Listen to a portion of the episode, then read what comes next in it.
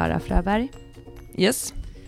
Dags för lite vettigt snack. Alltså, de andra avsnitten som numera släpps på måndagar, tänkte jag, våra vanliga måndagsavsnitt, de har ju börjat spåra varje gång. Mm. Så de här avsnitten som vi släpper, de här lite kortare, intensivare, lite mer faktamässiga torsdagsavsnitten, där håller vi utanför min typ av städnoja och din typ av sex, eh, sexism. Ja, vi ska prata om viktiga saker istället i de här avsnitten. Till Exakt. exempel biceps curl. När, när curlade du sist, Johanna? eh, vet du faktiskt, nu var det nog en vecka sedan. En jag hel vet, vecka? Jag vet, men alltså jag har ju fokuserat väldigt mycket på eh, mina basövningar just nu och eh, faktiskt också då jag också prioriterat de eh, assisterande övningar som har gett mest input i, Mm. mitt, eh, i det jag vill jobba med nu. Så faktiskt eh, lite li- mindre biceps curl, lite mer triceps faktiskt har jag lagt Mm. eh, tid på nu. Men eh, vi ska ju prata om isolerade övningar idag. Alltså Mm. just kanske lite biceps curl och sånt. Eh, varför man kan göra dem och om det finns någon nytta i att göra dem. Och så vidare. Precis. Och vad är egentligen en isolationsövning då, Johanna? En isolationsövning är alltså en övning där man använder en led, eller liksom man alltså isolerar muskeln, att man inte jobbar med hela kroppen. Mm. Så att man kan väl säga egentligen ganska enkelt att det är en enledsövning. Alltså som en biceps curl for, ex, for, ex, for example. Till exempel. For example. Ja, eh, vad heter det, någon halvsvengelska blev det. Där jobbar vi ju med armbågsleden endast i vår rörelse. Det är där vi jobbar. Eh, tittar man till exempel på en knäböj så är det en övning som sker över flera leder. Vi involverar i princip, eh, inte alla leder i hela kroppen gör vi verkligen inte, men vi involverar leder ut, ut, från, nerifrån fotled upp till liksom, eh, axelled och eh, bröstrygg och så vidare. Så att eh, en övning som blir mycket mindre eh, fokus på hela kroppen. Alltså, vi fokuserar på en muskel. Precis, vi försöker att koppla bort andra medverkande muskler för att pricka belastningen mer exakt på en särskild muskel. Exakt. Så eh, om man börjar göra ehm, det som brukar kallas för cheat curls, till exempel när vi pratar om biceps curl, när man då kanske har lite för tung vikt i en biceps curl, det är ju när man börjar använda en större del av resten av kroppen eller att man börjar liksom gunga upp vikten. Det som eh, crossfittarna kallar för kipping i princip, en kippad biceps curl. Då isolerar vi inte längre, eh, utan ju mer låst och strikt rörelsen är, ju mer isolerad är den. Så att, eh, det är ju i princip vad det är och det är ju det som man traditionellt sett mest brukar se, eller har sett bodybuilders göra. Och vi, du och jag hade ju, fick ju värsta eh, diskussionen i våra kommentarsfält när vi en gång gjorde ett avsnitt där vi listade lite favoritövningar och bland annat sa att biceps curl är en funktionell övning för oss. Därför att när man bör, brukar prata om vad funktionell träning är så brukar man säga att det är träning som har en slags överföring till livet. Att, att det måste finnas en funktion. Och då har man alltid sagt traditionellt sett att en biceps curl, alltså en, en rörelse som man gör för att pumpa upp eh, framsidan på överarmen, inte har någon funktion. Och då sa du och jag i podden att fast för kvinnor som har eh, en lägre mängd muskelmassa på överkroppen och en större mängd fettmassa på underkroppen än vad män har, men kanske vill lära sig göra chins och pull-ups, då kan biceps curl vara en funktionell övning. Ja. Och sen så, ja, vi kanske till och med uttryckte funktionellt, men vi kan också ha sagt att det var en bra övning som alla bör göra. Och att man blir snygg. Ja, exakt. Men, och det är ju verkligen, om man tittar på skillnaden mellan just varför man gör flerledsövningar, alltså de stora övningarna, och varför man gör isolerade övningar. Så eh, om man tittar på just flerledsövningar, de stora, så är det just, om man tittar på knäböj, marklyft, eh, olika pressövningar, eh, så är det ju just det här att man får, eh, som vi brukar säga, bang for the buck, alltså mer input. Alltså du får Mm. ju, du jobbar med hela kroppen. Du får, det får mer, mer utslag för det du gör, det jobbet du lägger och den tid du lägger. Så nästa Mm. punkt skulle jag säga sparar tid, eh, om du inte har så mycket tid att träna. Och du blir stark i hela kroppen. Det är svårt att inte involvera till exempel bålen, även om du gör de andra övningarna, utan du måste ha en anspänning i hela kroppen för att kunna göra knäböj eller marklyft eller så, lite större övningar. Mm. Eh, mm. och att också du lär dig att jobba med kroppen som en enhet, att en, liksom, en sån övning kräver ju en viss koordination i kroppen och att du förstår vad du ska göra och förstår din kropp. Medan mm. om man tittar på de isolerade övningarna så är det ganska stor skillnad att du tränar ju en specifik muskel och att det kan vara ett komplement till basövningarna. Men det är ju kanske inte att byta ut. Eh, men det är också en lägre skaderisk att göra isolerade övningar. Eh, mm. För, så att eh, vi till exempel när vi pratar om nybörjare till exempel så kan det vara ibland bra att få göra lite sådana övningar för att bli lite starkare i sin andra övning. Inte att man inte ska göra de stora, men att, det kan vara, att man kan ha nytta av att göra lite sånt isolerade övningar också. Eh, sen är det ju liksom mindre jobbigt att göra isolerade övningar, och vilket också kan vara bra som, om man tittar på det som ett komplement att har jag jobbat och gjort tunga böj och ganska tunga pressar till exempel, så är det ganska skönt att inte också kanske mina assisterande övningar också är tunga övningar. Så det kan vara ett bra sätt att de är lite, det är mer volym i muskeln men mindre jobbigt. Eh, och sen så att om man har en skada så kan det vara jättebra att göra isolerade övningar. Mm. För att man kanske måste bygga upp styrkan i typ framsida lår eller någonting och att man har, behöver då göra till exempel en benspark för att eh, öka styrkan där, men man kommer också behöva göra de här övning, större övningarna fast med mindre belastning kanske. Precis, alltså ett sätt att stärka upp kroppen är ju att bygga muskulatur eh, runt omkring leder, därför att leder är ju det som kommer att vänja sig sist vid en ny rörelse eller en, en ny belastning. Så att man kan ju säga att, att styrketräning, eh, volymträning för musklerna runt leder också skyddar mot skada. På det sättet kan det ju vara bra för en person som kanske inte är redo att eh, jobba med stora övningar, att eh, då pumpa upp de lite mindre musklerna. Exakt eller mindre musklerna. Nej, alltså, de, mindre. de behöver inte vara mindre för det, men eh, is, att, att isolationsträna dem helt enkelt. Ja, men sen är det ju så att har man, har man extremt lite tid att lägga på sin träning så är det ju verkligen till en nytta att jobba med större rörelser där du involverar fler leder, just för att du får eh, positiva liksom, saker på köpet, just det här med hela kroppen, koordinationen, styrkan mm. och så vidare. Eh, mm. Men tränar man så att man har liksom, eh, ändå en, en mer, mer träningsmängd, att du kanske tränar några gånger i veckan, då kan det ju finnas en viss nytta i, som vi också har pratat om tidigare, det här att isolera en muskel just för att öka lite där i, till, det, till det stora sen. För, för jag skulle aldrig säga att du ska så här, ta bort alla basövningar och bara jobba med eh, isolerade övningar. Det, det, det, kan man inte riktigt heller se att det finns någon direkt nytta i att göra, om man tittar forskningsmässigt.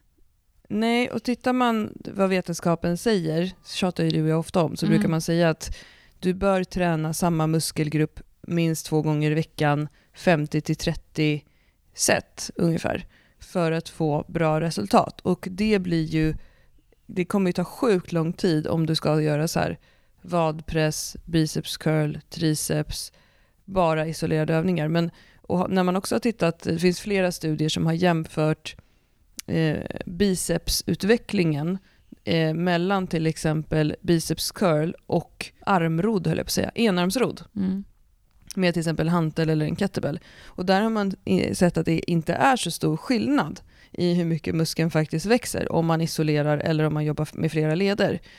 Men det kan ju också vara så att eh, man blir tröttare. Eller kan ju vara så, det är klart att det är så. Ju större rörelser du gör med tyngre belastning så kommer du också bli tröttare. Och vill du då eh, verkligen vara säker på att du kommer åt samma muskelgrupp flera gånger då kan det ju vara ett jättebra komplement till de stora övningarna att lägga till isolerade övningar för att verkligen punktmarkera och veta att liksom, jag kommer träna biceps två gånger i veckan, jag kommer träna triceps två gånger i veckan. Men eh, om jag skulle göra de stora rörelserna i varje pass så kanske jag skulle bli så pass trött att jag heller inte orkar trötta ut mus muskeln maximalt. För det är ju också en koefficient som är väldigt viktig om vi vill få musklerna att bli starka och växa. Det är ju att vi också behöver trötta ut dem. Ja, och sen är det ju så också att om man tittar på isolerade övningar i förhållande till de stora flerledsövningarna så behöver man heller inte lägga samma tids på det. Alltså det tar förmodligen längre tid att göra ett antal eh, maxstyrka-set till exempel, eller om jag ska göra eh, lite flera set och flera repetitioner med mina större övningar jämfört med om jag till exempel vill köra lite biceps, curl och triceps eh, pressar eller vad det skulle kunna vara. Mm. Eh, så just att jag kan sätta ihop dem och bränna av dem på ganska snabb tid, just för att det är helt okej okay att jag tröttar ut mina muskler. Eh, mm. Så att det behöver ju inte heller vara så att det tar massor med tid, utan det kanske är tio minuter, en kvart totalt jag hinner göra fyra övningar. Mm. Men att just som du sa, att då vet jag att jag kommer att ha jobbat så här många sätt. För det kanske är tungt att göra så många sätt och så många repetitioner om jag ska göra det i en, om jag tänker att mina triceps ska tränas i bänken till exempel. Att orka med alla de sätten jag behöver göra. Utan, Precis. Så då kan det vara bra att så här, okej, okay, men jag bränner av ett, jag vet inte, tiotal sätt i att göra det som en assisterad eh, isolerad övning. Och sen så har jag tiotal sätt i mina bänkpress till exempel. Ja, och det är också lättare för många att verkligen ta ut sig mm. i en isolerad övning än i en eh, eh, flerledsövning. Alltså om du tittar på till exempel benpress så är det många som kan trycka på eh, och verkligen ta i när de jobbar med den övningen. Till skillnad från en knäböj där det behövs också mycket teknikträning exakt, eh, för exakt. att hantera rörelsen. Ja, och det tycker jag är superbra och eh, så jobbar ju vi med kunder eh, som kanske just behöver jobba med tekniken och sånt, att, men som vill känna att de får ta i. För att mm. de kanske i sin knäböj kan de inte jobba så tungt för att de inte riktigt hittar rörelsen, men de måste ju fortfarande jobba med rörelsen för att bli bättre på knäböj. Och då kan man just lägga in benpress eller få kötta ut lite eh, framsida lår eller baksida lår till exempel i en benpress eller lårcurl. Och sen så gör de såklart själva böjen. Eh, eller, och så så det är ju verkligen ett sätt just att ta bort teknikfokuset och rädslan för att göra fel på tyngre vikter. Ja, och i de flesta träningsprogram som du och jag jobbar med, eh, alltså producerar och säljer, så har vi ju med någonting av allt. För att då får man just det här bang for the buck. Vi har alltid med prehab, vi har alltid med stora rörelser, basövningar, vi har alltid med assisterande övningar som också kan vara stora. Och vi har alltid med isolerade övningar. Men beroende på antal pass per vecka som personen eh, som programmet riktar sig till ska göra så är det mer eller mindre isolerade övningar. Och tittar man till exempel på Beefcake-programmet som syftar till att bli starkare i knäböj, marklyft och bänkpress så är det så att i två dagars programmet där är det väldigt lite isolerade övningar. Så istället för att till exempel göra hantelpressar isolerat eller tricepspressar isolerat så är det kanske armhävningar på handtag, smala. Mm. För att få också med hela kroppen. Medan tittar man då på fyrsplitten, där har vi ju då delat in kroppen i rörelser och muskelgrupper och då är det mer isolationsarbete med i det programmet. Och det är ju skillnaden och det är ju också en av de vanligaste frågor vi får eh, kopplat till det programmet. Ja, så det är baserat på hur mycket du tränar för att du ska träna dina muskler ett visst antal gånger i veckan för att få det resultat du vill ha. Ja, Ska vi gå igenom några favoritövningar för oss då när det gäller just isolerade övningar? Ja, absolut. Såklart. Jag tror att på, eh, eller delad första plats skulle jag nog säga är, är biceps och triceps. En stor favorit för mig just nu, som jag, och den är också dels för att jag är ganska trött i kroppen just nu i mina pass när jag har kört. Jag har kört, haft en ganska tung period i basövningarna. Mm. Så mm. tricepspress med rep eller i rep eller vad man ska säga, där du alltså mm. står, står upp och så har du kabelmaskin med ett rep, eh, armarna låsta vid sidorna och så sträcker du ut armarna utan att liksom för den skulle hålla på att flytta ut armen, utan att den är väldigt, den är ju, blir ju jätteisolerad såklart. Mm. Eh, det är en favorit för mig just nu, men det är också just för att den är så här, den kräver inte så mycket teknik, energi eller någonting, utan jag kan bara bränna ut triceps efter ett tungt pass. Mm. Så den gillar jag jättemycket just nu. Eh, och kör väldigt ofta. Det är en sån här typisk övning som om jag har några minuter extra kvar så slänger jag in den. Har du någon favorit? Eh, då slänger väl jag in andra sidan på armen då. Att eh, biceps curl tycker jag. Det här är lite roligt att du säger triceps, för vi brukar alltid, du, vi brukar alltid säga att du säger att du är svagare än mig i triceps och jag säger att jag är svagare än dig i biceps. Ja, Eh, vi borde ha sagt tvärtom. verkligen. Eh, men biceps tycker jag, just på grund av anledningen att stora armar är skitbra för att kunna både bänka och dra sig upp i ett räcke. Och jag gillar ju såna här superisolerade biceps curl. Jag vet att du gillar biceps curl med skivstång, men Mm. jag upplever att jag inte kan sträcka ut armen lika bra på samma sätt med en stång. Och jag upplever att jag kan isolera ännu bättre när jag använder hantlar. Så jag gillar den här sittande versionen när man sitter på en bänk och fäller upp ryggstödet. Mm. Eh, och sen till, liksom trycker ihop benen och ställer mig på tå, eller sätter mig på tå till och med. Så att jag verkligen spänner hela överkroppen och att den är helt stilla. Och att sen jobba med hammer curls tycker jag är jättebra. Och det är när man gör en biceps curl med hanteln vänd så att man har eh, kortsidan uppåt, så man håller den som en hammare. Tummen uppåt kan man tänka, eller liksom hand, Mm. ja precis. Ja. Ja, men, det, men det är ju faktiskt, nyckeln att få stora armar är ju faktiskt att träna både framsidan och baksidan. ja. Och mina biceps är ju så stora så jag måste fokusera på triceps. Nej men, jag skojar. Du vi borde mäta snart va? Mm. ja, men det är du som har undvikit det. Jag vet, det är jättekul. Eh, det finns ju en visst påstående i att våran, eh, vi var ju med i eh, första numret av Hälsa och fitness det här året. Med, i Mm. ett, vi var ju på framsidan där och då är ju min biceps övertäckt med någon typ av symbol. och alla tror att det är för att det inte ska avslöjas att, jag vet inte, det finns två läger, att mina är så stora och några att det inte ska avslöjas att dina är större. Ja men det är roligt. Vi får se vad som händer. Du är i alla fall starkare än vad jag är i biceps curl. Men jag tycker också att det är en sån övning, eller båda de här, både alla de här isolerade, så är det viktigt att man eh, vågar sänka vikterna. Ja. Därför att så fort du tar lite för tungt så kommer du hjälpa till för mycket med resten av kroppen och då tappar du ju som sagt hela den här punktmarkeringen. Ja, inte, inte snabbast excentriska biceps curl på 80, 80 kilo som jag försökte mig på i somras. Eh, Den finns det inte så mycket eh, isolerad överföring till så att säga. Men Nej, eh, det kan vara kul att testa sjukt, ibland. sjukt funktionell var den också.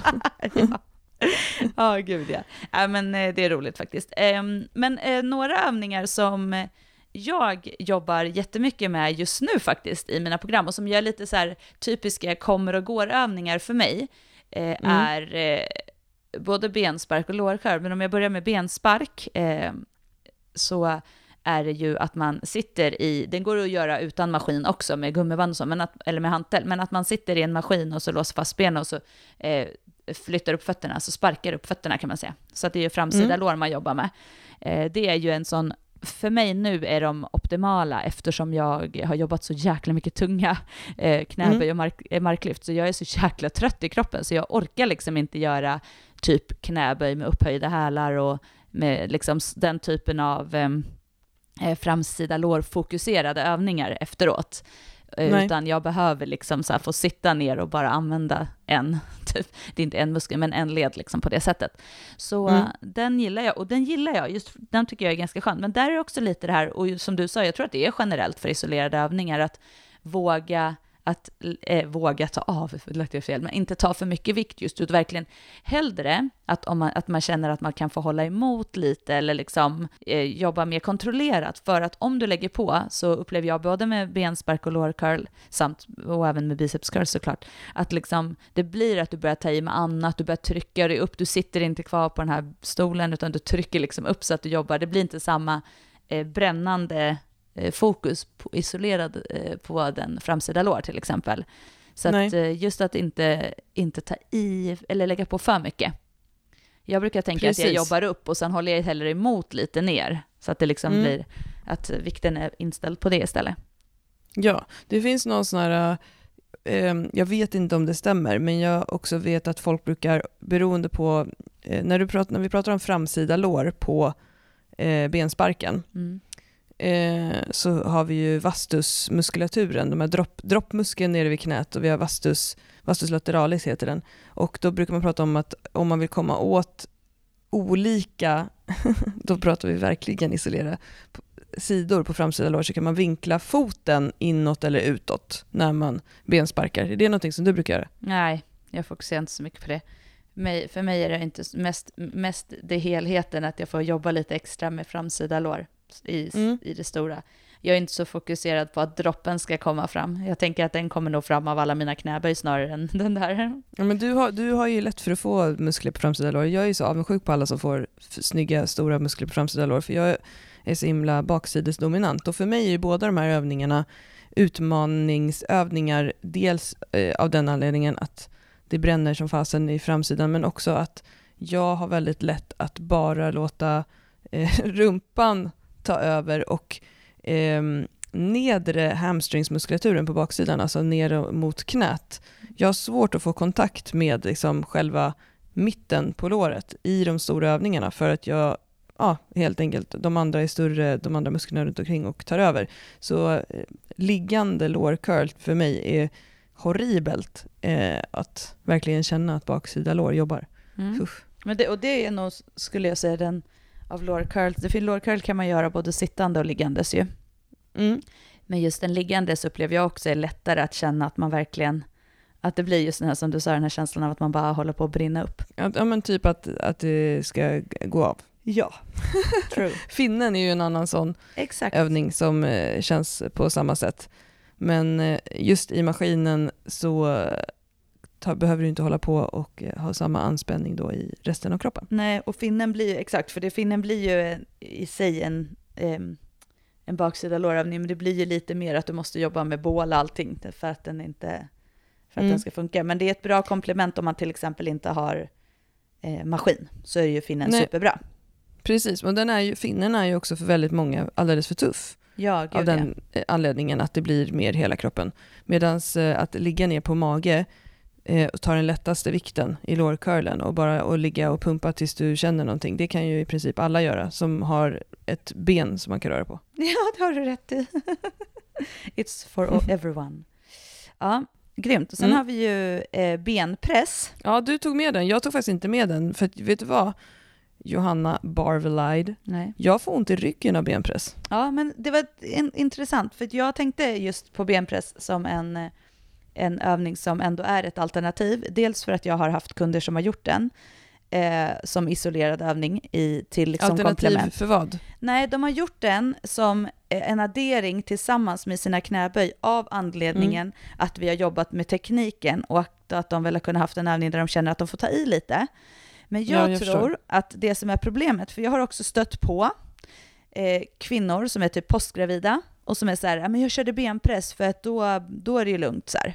Och Mm. det man ska tänka på med benpress, att den vikten du kan lägga på eh, och oftast kunna pressa upp, då kommer du ändå sätta eh, press, eller vad ska man säga, du måste också jobba med bålen. Alltså Mm. den blir inte isolerad på samma sätt. Så till viss del skulle jag säga att ja, den är isolerad, men eh, den är också en övning som kräver att du kan inte bara bränna på och lägga, för att förmodligen så är det så att du kan belasta den mycket mer än vad resten av kroppen klarar av.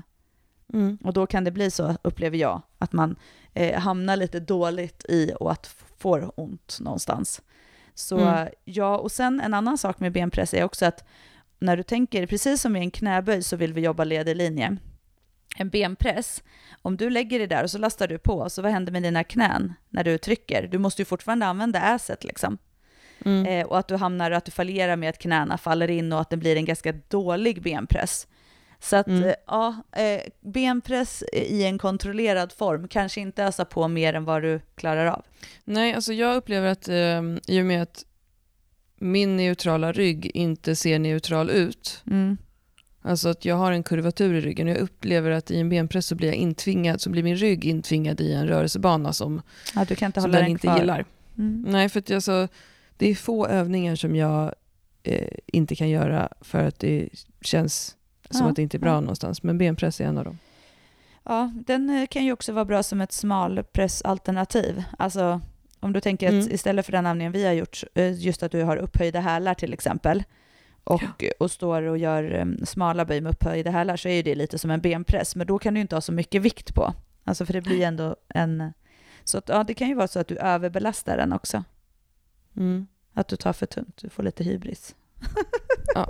ja nej, Man ska inte ta för tungt. Nej, men jag tror inte det. Det är lite så, alltså för tufft så att du tappar resten. Det är ju, men därför är den ju också en liten, skulle jag säga, i eh, gränslandet på det sättet. Mm. Dessutom är fotleden involverad också, så den är inte helt isolerad. Nej, precis. Skit i benpressen. Ja, vi, vi, vi ångrar oss, vi tar tillbaka. I, skit i benpressen. Eh, men om vi avrundar med att upprepa, varför ska man göra isoleringsövningar? Eh, det är lägre skaderisk med isoleringsövningar än de stora basövningarna. Det är mindre jobbigt, alltså mindre tufft, än att göra de stora rörelserna, så det kan därför vara ett bra komplement för att du ska få in mer volym på samma muskelgrupp, för att just eh, träna samma muskelgrupp minst två gånger i veckan. Eh, det kan vara bra vid skada att träna isolerade övningar, för då får du ändå träna någonting och du kan även bygga upp styrkan runt till exempel den led som är försvagad vid skada. Så att eh, det är ett skitbra komplement till våra älskade basövningar bänkmarkböj att lägga in lite isolationsarbete och det kan även vara estetiskt tilltalande att få till exempel en stor överarm. Eller vad säger du Johanna? Absolut, det är ju den bästa känslan när man har varit lite trött i sina basövningar, att pumpa ut rejält i typ biceps och triceps och lite axlar, så eh, känns det ju fint att gå därifrån sen. Jag håller verkligen med. Du, eh, eh jag tycker att vi hörs eh, på måndag igen med mer babbel. Ha det bra. Ja, kram på dig. Hej. Hej.